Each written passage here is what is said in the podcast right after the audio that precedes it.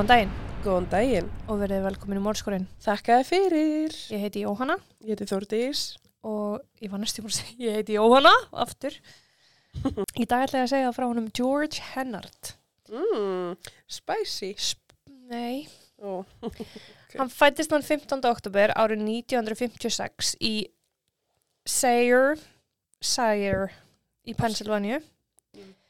En þar var fæður hans að sinna kandidats árum sínum sem bæklunar skurðlæknir. sælir. Stoppin átti eftir að verða mörg hjá hennart fjölskyldunni sem að saman stóð af George, fóröldurum hans og yngri sískinum. En þar sem að pappans var þessi skurlæknir, bæklun og skurlæknir, þá var hann fengið til að starfa á hinum og þessum hersjúkrahúsum við svegar um bandaríkinn. Mm, George var í kjölfarið útsjónusamur, áhugasamur og bara flottu krakki. Hann hafði upplefað meira en margir aðrir krakkar. Hann var duglur, kröftur og krökkum fannst gaman að leika við hann. En það gerist svo einhvað á hans uppvakstra árum sem verður til þess að hann snar breytist. Tali er að það hafi verið tengt í hver harður fadur hans var, strangur og það sem í dag myndi teljast sem hreinlega vondur. bara ofbeldi. Já Ok. eða uppeldis aðferðinar andlet ofbeldi bara, já Sem að ég skil ekki, já, ok. já, Þú veist, eins og bara þetta með að flengja bönn, já, setja sápi í munn og eitthvað. mm -mm. Sem að þótti svo eðlilegt en að gæslappa á Já. þessum tíma. Það hefur bara aldrei verið eðlilegt, getur við veist bara sammælst um það. nákvæmlega En þó, hvert ekki við sápi kæftunum með hvað önnur bönn hafa þurft að þóla? já, æ, samt, þú veist það má aldrei ekki gera lítið úr einhverju sem annar upplifir meira hátarskilur Mm -mm. en George hafði mætt í skólan einn daginn með áverka og illa klift hár bara Mm. eins og ykkur hafi skorið af honum hárið því það vantaði bara að lokka hér og þar Ok, þú veist hvað er hann gamall þá? uh, það er aldrei tala um það er þetta svona cirka bát hann mögulega komst í skæri og klifti sjálfa sig? Nei, nei, nei, nei, nei, nei, ertu að fara að tala um eitthvað batna nei, ofbeldi? nei, Nei! ég er ekki að fara að gera það. Þetta er eina ofbeldi, ég er hætt í þessum bandamálum, sko. Já, ok, gott. En, nei, hann var, þú veist, af því það að tala um þetta rétt fyrir úlningsárun hans. Mm. En George, George er sagður í kjölfari aldrei hafa verið samur eftir það. Hann var bara mjög innkverfur hegðun sem að þekktist ekki áður frá honum. Ok, Hann hjælt sér út úr hópnum í gegnum grunn og mentaskóla, hann sást aldrei með neinum, hann var aldrei kendu við neina stelpu, átti enga kærustur eins og flesti samaldrar hans og þetta þótti undarlegt því hann var mjög myndalegur ungur maður. mm.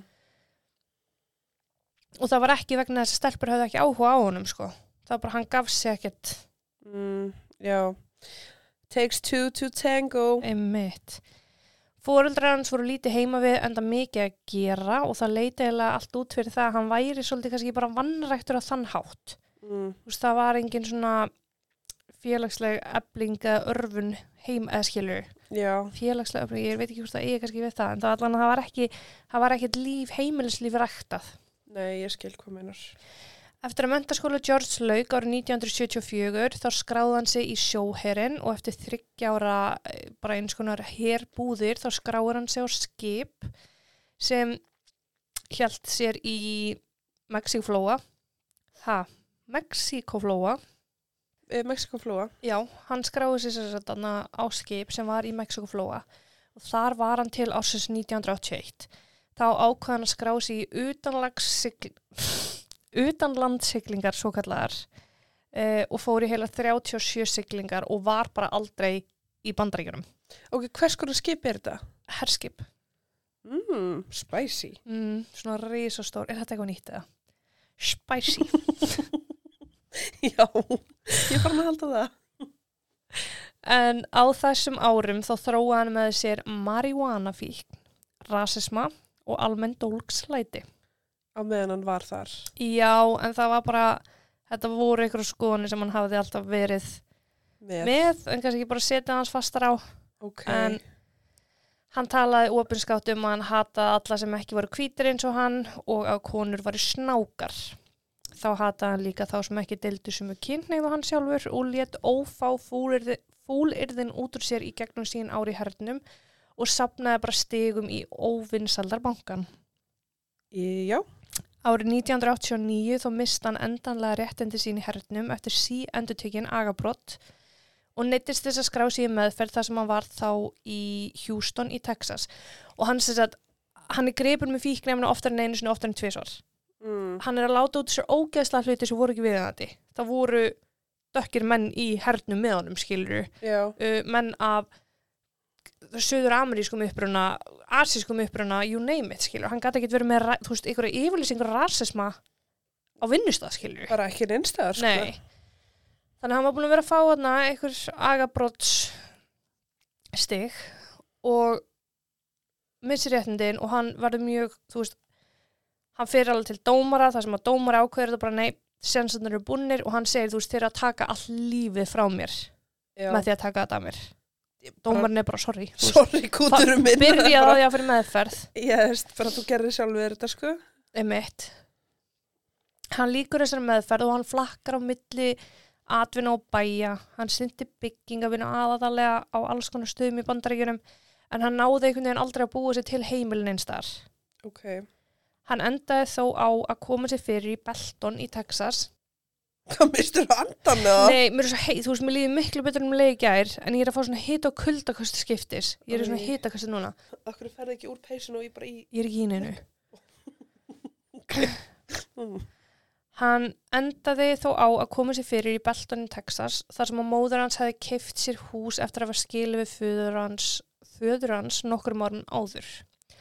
Þar bjóðun þó ekki, svo þá var George einn með sér og hugsunum sínum. Hann fekk sér vinnu hjá steipufyrirtæki þar sem hann stóð sér svona að lámarki Já. en ef hann var ekki í vinnunni þá hjælt hann bara áfram að sapna enn frekar í óvinnseldunar með hvernhatri fyrst og fremst. Nágrannar hans hafði tilkynnt hann í ófóskipti fyrir að öskra fúlurðum yfir sig. Uh, hann skrifaði nágranna, nágrannastúlku mjög fyrðulegt bref þar sem hann kallar konur snáka og, og annað en segir að þær séu bestu konundar sem hann hafi hitt. En hann hafði samt aldrei átt neinu samskiptum við þær nema bara svona fylst með þeim úr fjarska. Mm. Uh, hann öskraði reglulega bitch á konur þegar hann sá þær. Bara af því bara. Já, en þetta er svona, þú veist, heti á baku veist, ef- því lengra sem, hann stóð frá, því meira öskraði hann, skilur. Mm. Fólki fannst hann undalegur og þessi hægðun stemdi einhvern veginn ekki við mannin sem að fólk var að vitni að í hennu dagstaglega lífi. Þú veist, þegar hann var ekki að haga sér svona, af því að hann var mjög nákvæmur, hann var sífælt að taka til í garðinu sínum, ofbúðslega snirtilegur, takandi upp rusl og þrýfandi bíli sinn. Ok. þú veist, og hann brjálaðist ef að rusla sorp, sorphyrði fólkið Mm. Kom og sótti ruslatunnar og ef það sullaðist eitthvað út úr tunnunum þegar tók ekki upp, þá störtlaðist hann sko, af því hann vildi hafa hlutina kringu sér hreina og fína. Ok.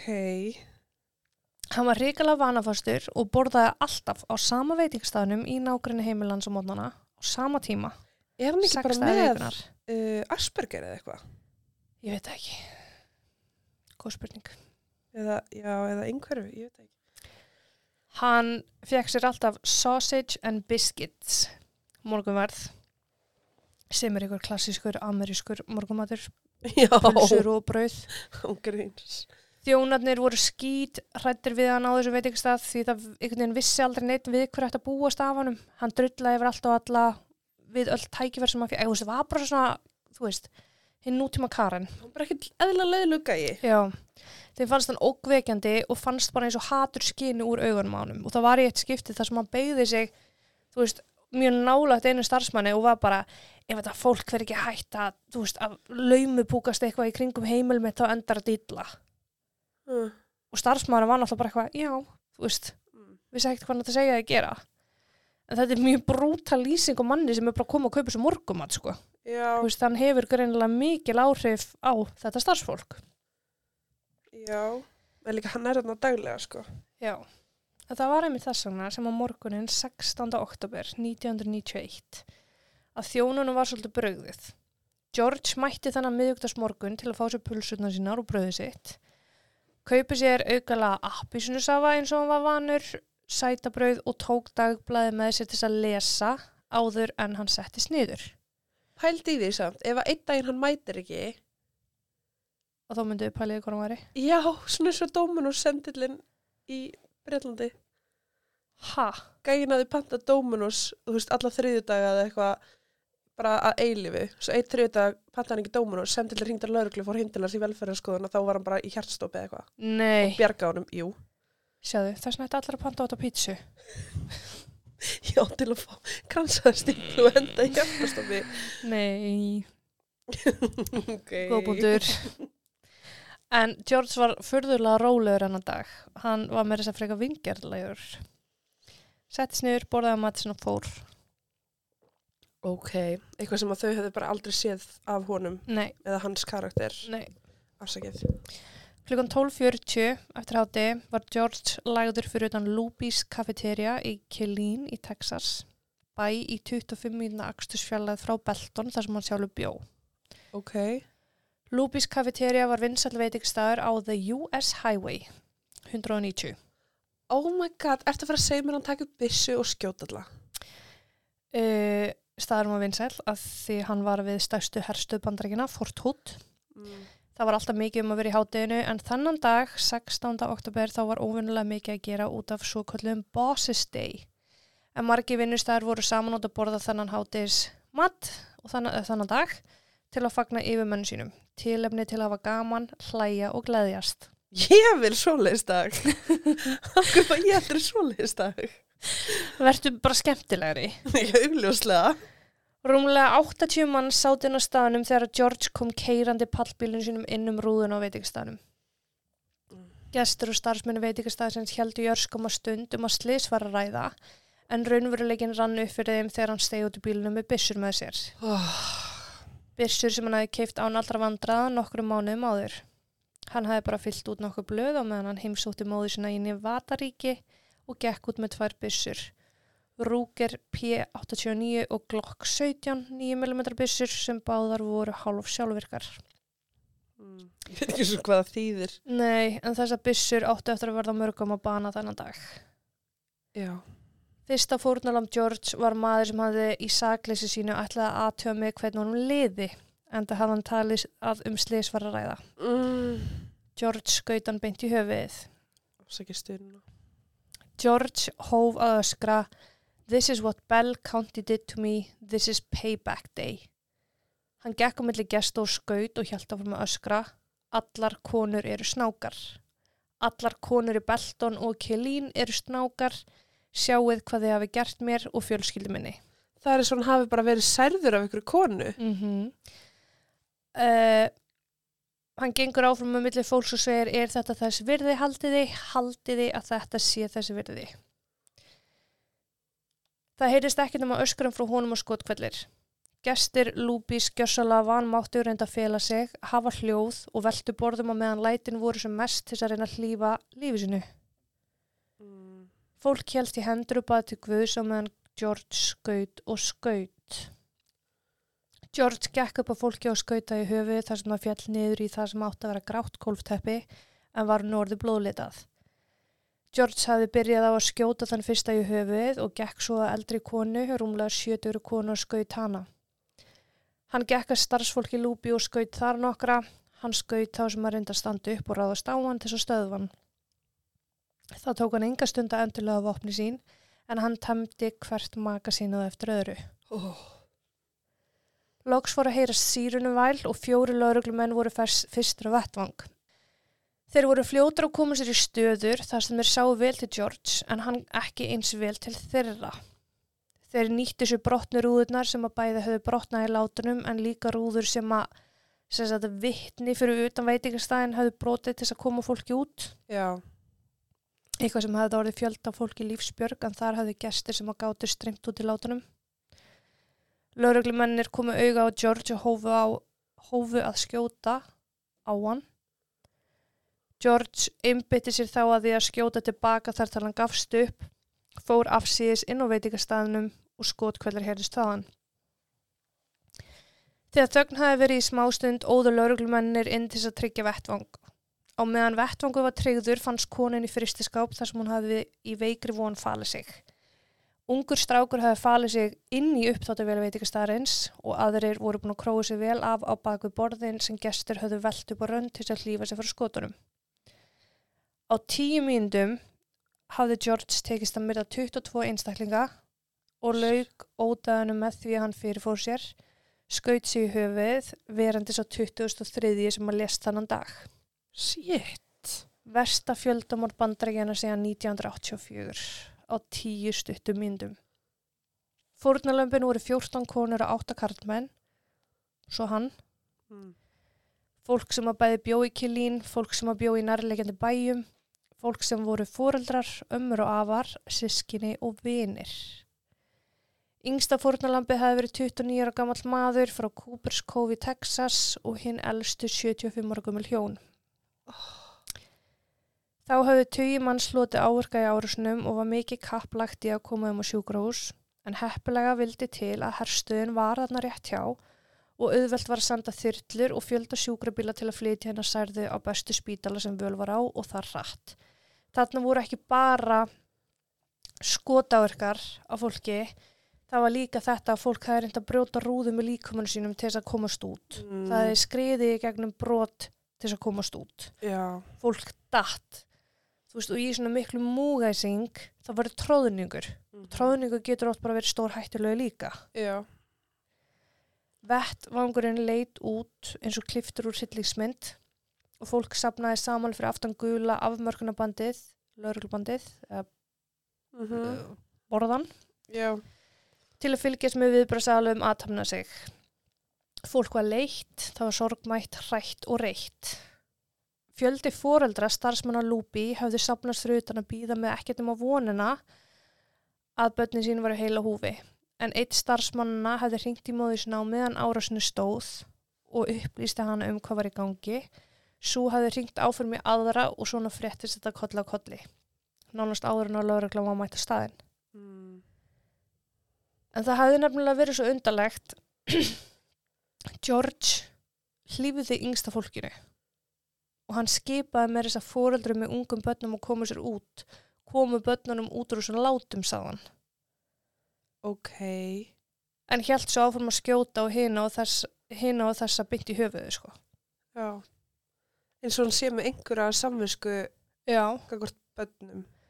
En ef hann fekk tækifæri til þess að skjóta fyrir eitthvað konu heldur en kalla að gera hann það. Auðvitað var- því að það voru mun fleiri konur. Já.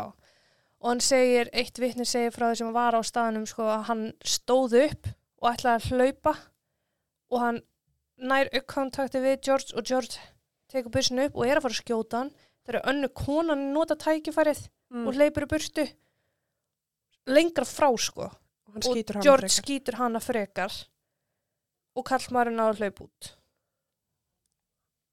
Shit. Who broke your heart, man? Ángríns. Það kom fljótt í ljós um hvert var að ræða og fréttist það hratt á milli manna.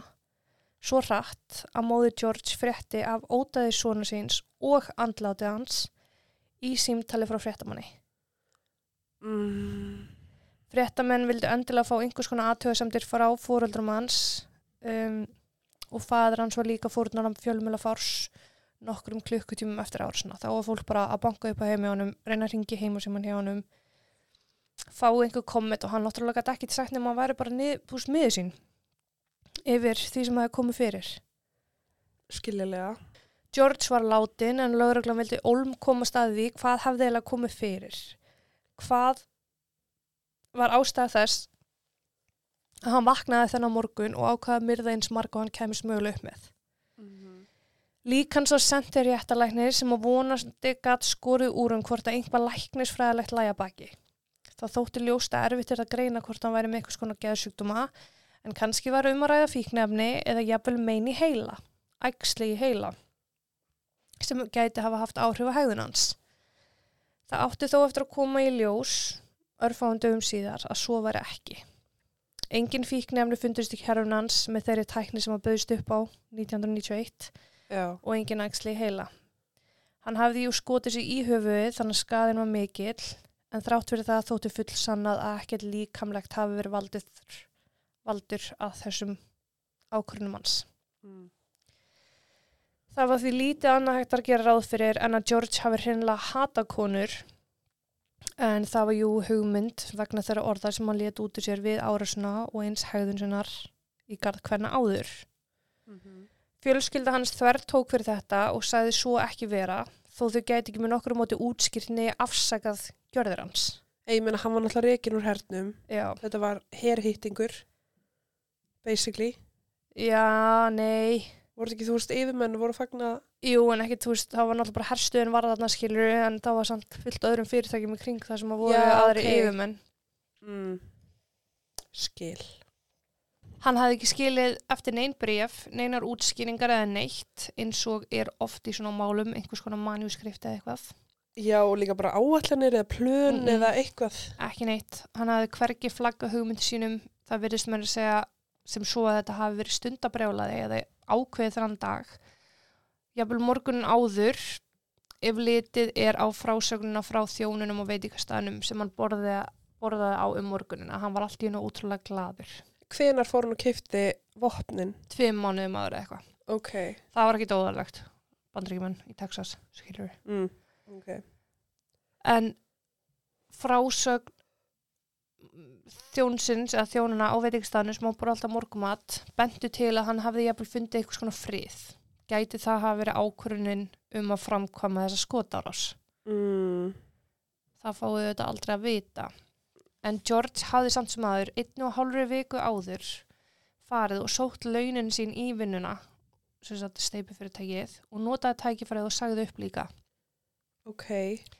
Sögusagnir segja að hann hafi rætt þennan dag þegar hann sagði upp að einhverja konur hafi verið að valdunum vandraðum en hvað nákvæmlega er ekki vita. Ok. En það virtist vera sem bara að alla konur væri að valdunum vandraðum bara með því að vera til, sko. Mm, já. Dægin áður en hann keirir inn um glukkuna lúpís hafði hann heyrt í móður sinni sem hafði óskað hann til hamingi með dægin en hann hafði átt 35 ára ammali Þennan dag. dægin áður. Mm. Móður hans taldi hann hafi verið mjög eðlulegan í síman en setna saman kvöld hafði hann sérst á veitingastað að borða franskar uh, þar sem að sjóarpi hafi verið í gangi þegar að viðtal við konu Anita Hall sagt byrjar. Ok.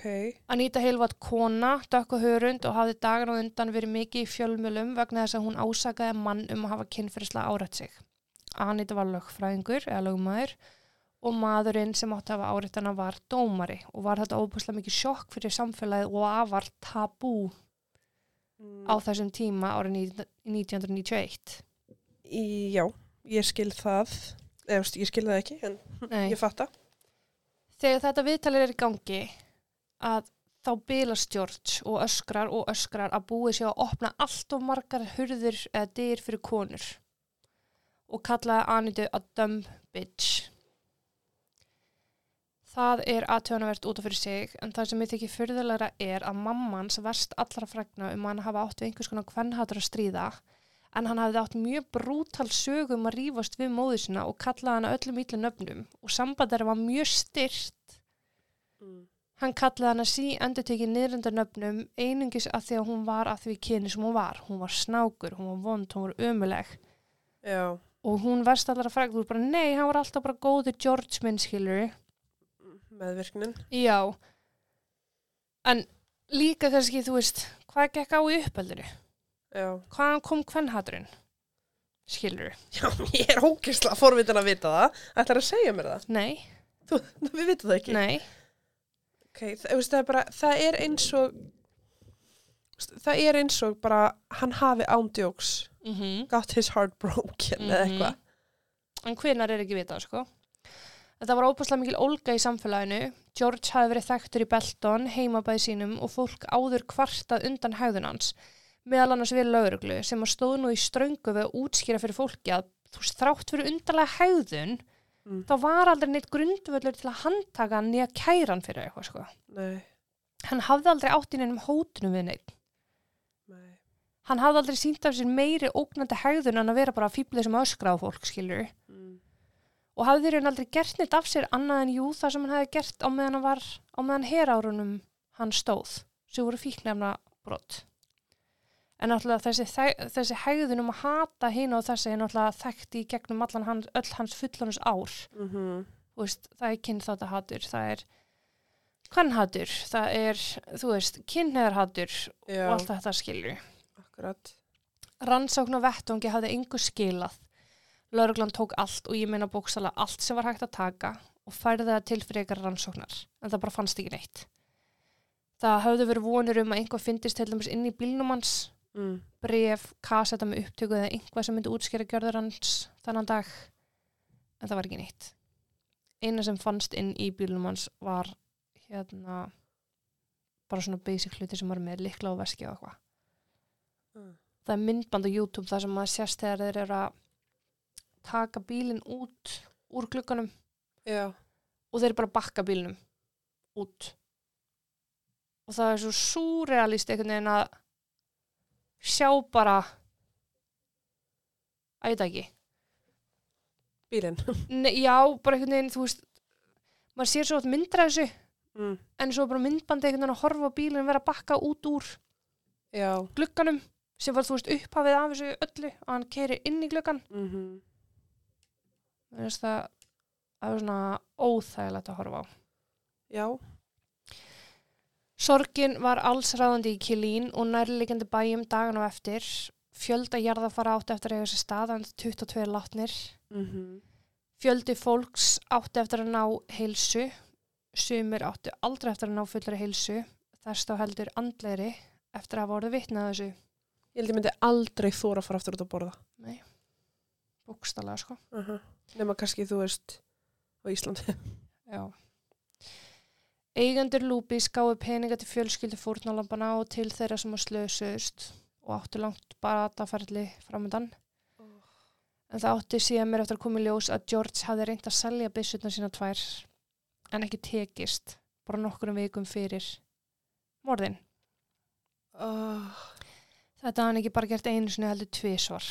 Þannig tvísvar og tveim vikum þetta- að losa sig við bussunar. Það er svo mikið svona, að ef einhver hefði keift hann það keypt Já, hann, náttúrulega hefði engum að kenna skiluru. Nei. En hvort þetta hafi verið vegna þess að hann vissi að hann ríði ekki við hugsanir sinnar vitum við ekki, en það er nokkuð ljóst að að svona hefði ekki farið samt ef hann hefði tekist að, að selja byssunar skilur. Mm En mín spurning er af hverju varst að kaupa þær nokkur mánuðum áður og vilt svo selja þær nokkur viku setna?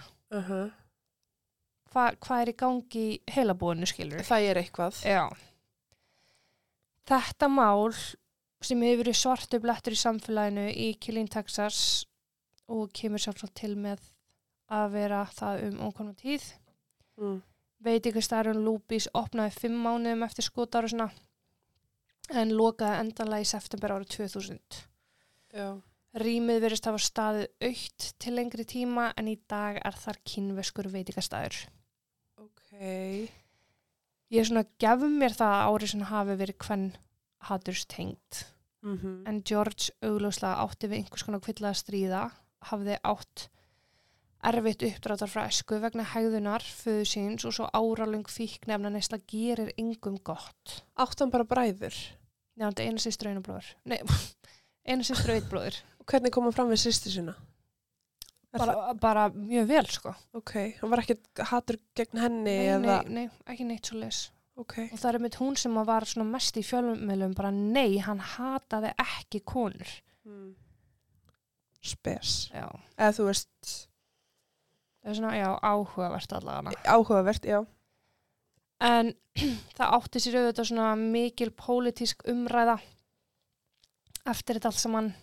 Eins og gerist með allar skotar og sér, held ég. Já, doktor Susanna Höpp var ein af gestum Lúbís þennan örlega ríka dag en hún hefði farið að borða hátegismat með öldruðum fóröld sínum, þessum elstu sem ég nefndi á hann. Sem hann létur lífið. Og eina ástæðan okkur í nefnana sérstaklega er vegna ræðu sem hún hjælt ári eftir árásuna en hún, eða sko, hún byrjaði á því strax eftir árásuna að vinna að þessu sem að endalega gerðist.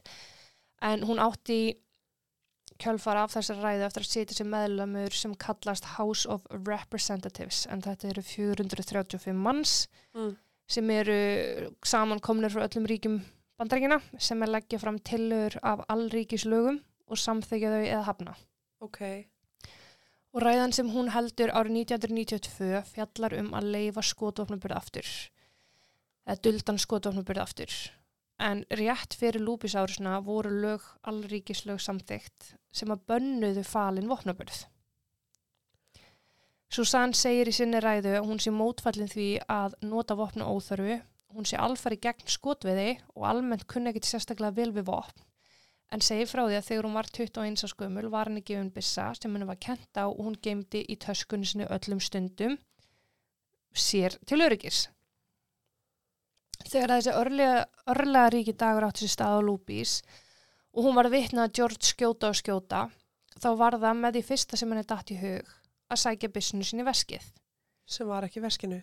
Hún, ha, hún ásand fóruldrum sínum hafði, hafði veldborðinu sem að þau sátu við til þess að hlýfa sér frá skotunum og hún í örvæntingu var vissum hún gæti skoti árásmannin þar til hún einmitt myndi eftir því að byssinannar var út í bíl út af nýlum lögum um dölinn vopnabörð. Mm, Mátti ekki vera með vopn á þeir þá. Mátt vera með það áður en það þarf að vera sínlegt, það er ekki sínlegt ofnum töskunni. Ah, Susanna var vitna því þegar að faðurinn reyndi veikri von að standa upp og vaða í George, 75 ára gammal. Og George skaut pappunar í bringuna og hann lest mjög fljótlega eftir. Susanne og mammunar voru að baka við borðið en þá að reyna að koma upp einhver áallin til að stöðva þessa geðviki sem var eiga sér stað. Þegar Susanne fekk þá hugmynd að hlaup út um gluggan sem að gestir hafðu brotið sér leið út um uh -huh. og hún reyndi eins og hún gata að draga mömmu sinna með sér en löngsaða stutt mammanar neitaði að fara með henni og hljópi öfuga átt en Susanne í átti eigimanni sínum þar sem að George átti síðan meir eftir að labba upp að henni þar sem að mammanar leit upp á hann, leit niður og George skaut hann beint í höfuðið. oh, Susanne var reið yfir lagabreitingunum og var þess fullviss um að hún hefði getað komið í vekk fyrir árásuna hefðu lögin ekki farið í gegn nokkur áður. Hefði hún bara mátt ganga með byssunni sinni í veskinu. Já. Í ræðinu talar hún gegn því að banna að ganga með byssur og að banna árásrifla e, því hún sé þess fullvis um að það skiptir ekki máli hvort að byssa taki 100 skot eða 10 skot sér sjálfvirk eða ósjálfvirk. George var til að mynda enga stund að hlaða byssunu sína, tvær handarhefingar. Já. Þarna var sérst í myndinu að þrengja ramman enn frekar en hefði verið gert að banna enn frekar sérst skotvopnaburð eða vopnaburð. Mm. En þetta taldi hún vera gegn rétti bandarækjum menna, uh, gegn second amend amendment, amendment, ég kann ekki segja það, the right to bear arms, þess að réttindu bandarækjum menna til þess að ganga með skotvopn eða eiga skotvopn. Já.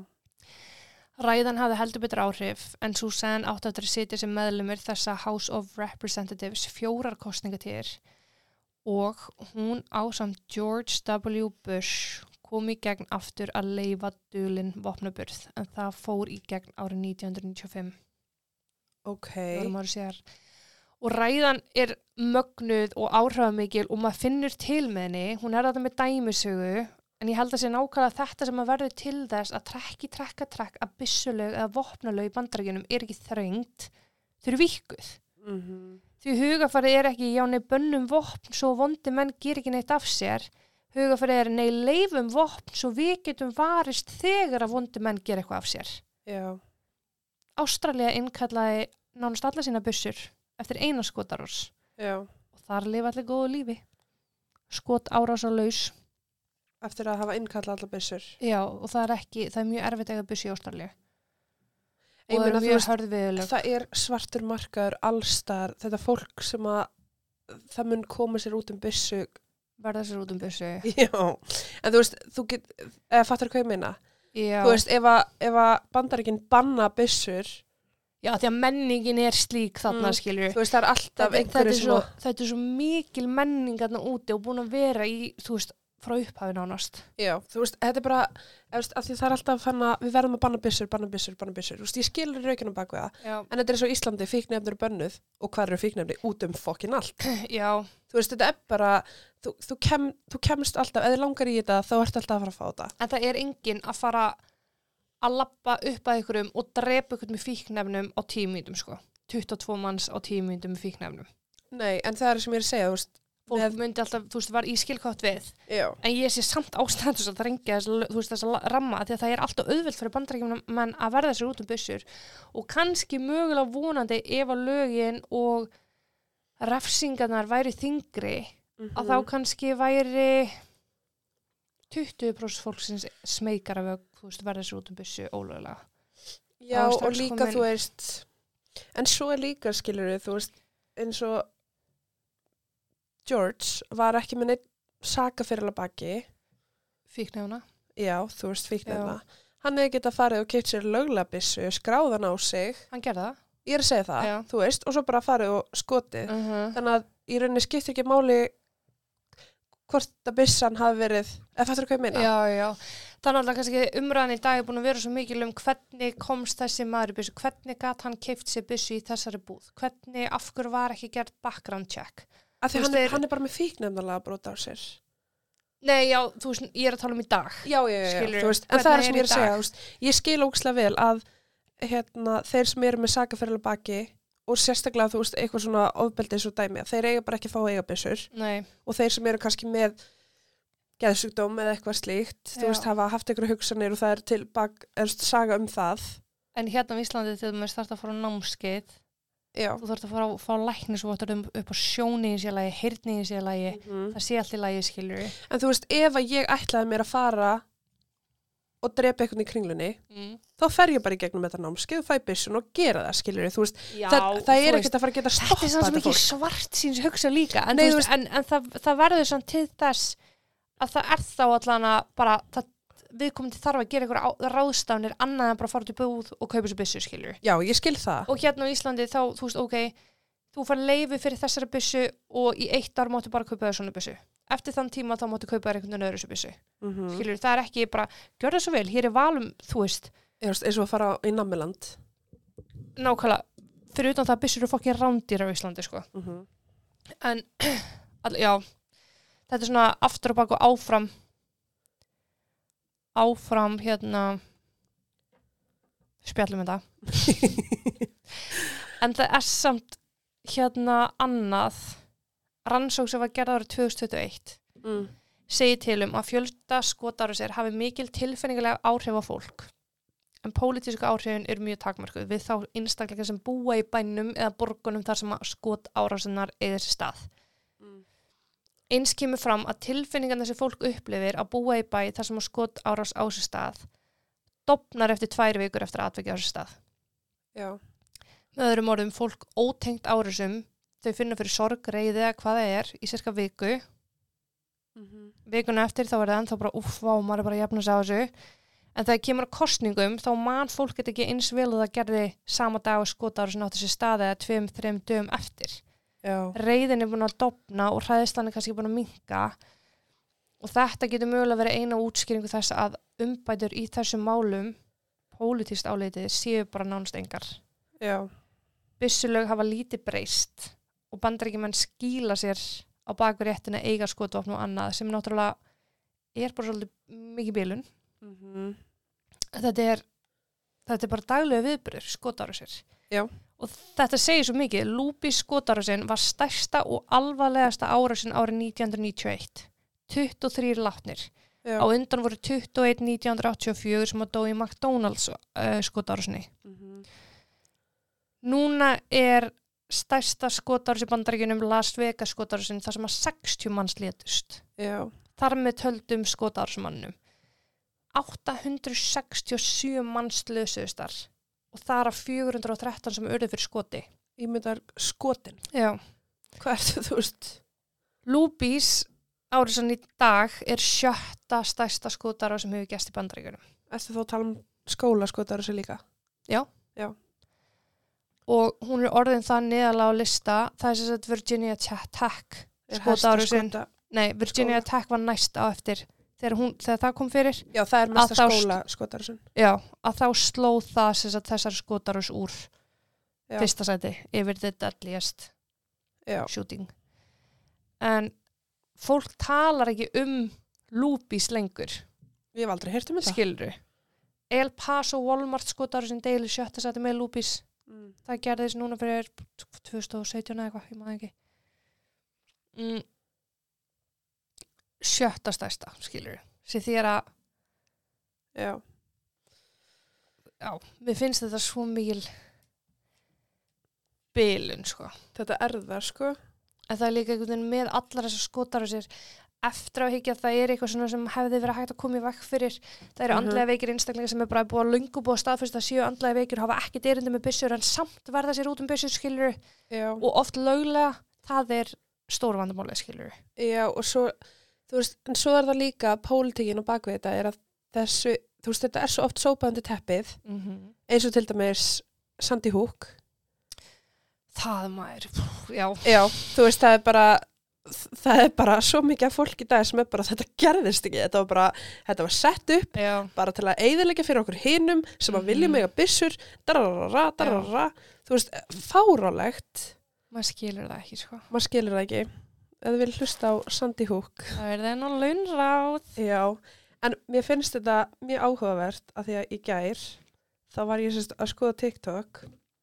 Og það er sérst maður á TikTok sem heitir hann heitir Jón Romano. Og ef þið viti ekki hver Jón Romano er þá var hann uh, ákerður árið 2004 fyrir að hafa sérst gert skotarás í skóla. Ertu Eh, að tala um þann sem að skaut bara kennara sinn ætlaði að deyja by suicide? Uh, já, hann ætlaði hann fór ekki inn með þá ég held ég að vera að skota líka sko. já.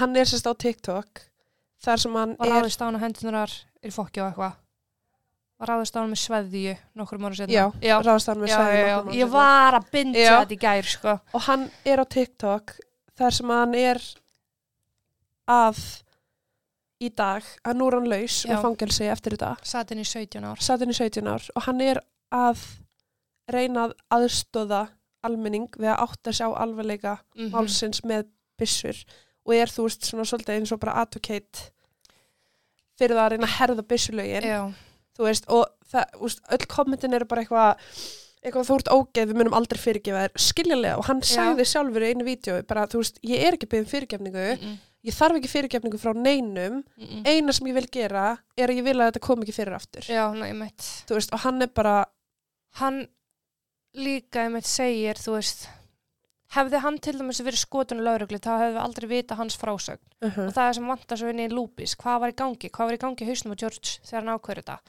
Þarna fer þessi John inn í skólan með það hugfara að hann vilji deyja sjálfur. Hann Já. bara, hann hafði ekki í sér að fyrirfara sér sjálfur þannig að hann var í rauninni ætlaði að reyna við suicide by cop uh með því að láta taka sér á lífi fyrir að vera með ógnandi hegðun. -huh.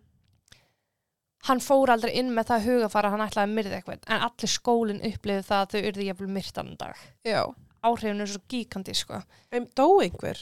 Nei, hann skaut eitt kennar í fótinn. Já, og það er bara að því að í átökunum þá var hann með puttan á já. giknum og, og skýtur óvart Mhm. og það fer í kennara sem að var að hlaupa í átt að slagsmálum Johns og annars kennara til þess að reyna aðstofa kennara með að yfirbuðan já, og já en þetta er rosa ó óþægild að heyra frásögnum hans þegar hann, hann, hann útskýri bara hvað hann var að hugsa hann á morgun þegar hann vaknaði þegar hann labbaði inn. Uh -huh. hann, þú veist. Það er líka það sem vantar svo mikið þegar í, í flestum svona skotárusum að þá skiljanlega er bara þú verður að taka targeti út. Þú veist, þú verður að já, ef þú drepir hann ekki, þá er hann að fara að drepa fleiri. Emitt en manni vantar svo að heyra, þú veist til þess að rannsaka og skilja og gera forvarnar uh -huh. að það þarmar ástæðuna sem að liggja að baki já stundum er það manuskrift, stundum er það bara yfirheysla við uh -huh. skotarasmannin já, en það er mynd eins og þú segir þegar það er og eins og því miður er búið að vera inn í grunnskólum og kannski leikskólum mm. þessar árásir þá væntalega bara headshot eina markmiði sko. já, það er bara það er, það hag, er bara útrýma það er hagstæðara, já, já, að drepa hann heldur en að hann fari og nái að drepa, já, nákvæmlega. En þetta er, þetta er svo ógesla þung málefni og líka þú veist við kannski svolítið svona svolítið batsleg hugsun í okkur, við búum bara litla í Íslandi það sem að við þurfum nánast ekki að hafa ágjör að byssum skilur, Nei. nánast ekki. Það er, þú veist, fyrst núna síðustu tvö ár sem maður hefur heyrt byssur koma eitthvað mikið upp í umræðana skilur já, en þannig byrjar allt. Já, það er kannski, þú veist, þetta Veistu, er eitthvað held- sem að... já, veist að ég veit ekki, ég held einhvern veginn að þú veist, við erum alltaf litla Ísland örug, það gerist ekki neitt hérna. Þar til allt hennu það Koma tíma, gerist koma- ég er að segja, þar til allt hennu gerist og við fyrir að búa við þennan veruleika sem við höfum aldrei þekkt á æfinni algjörlega sko þú veist, bara eins og núna, nýfsárásanar út um allt, mandrápin sem er í gangi þú veist, þetta er bara, þetta er svakalegt sko. Þetta er stigmagnast. Þetta er svo hræðilegt, sko. sko. já, en þetta kemur samt líka með slakari helbriðiskerfi slakari geðhelbriðisþjónustu 100% sem ég kennu þessu yfir á á og heilbrigðiskerfið. fullum fíknefna úrræðum þú veist, eða fíknu úrræðum skilur já, það er svo margt ábútavant sko. Mm en algjörlega, sko. ef þið hafið einhver frekri input inn í samræðana, senda okkur skilabóð já, þanga til, alltaf ég að þakka fyrir mig. Já takk í dag. Takk og þar, bless. þar til næst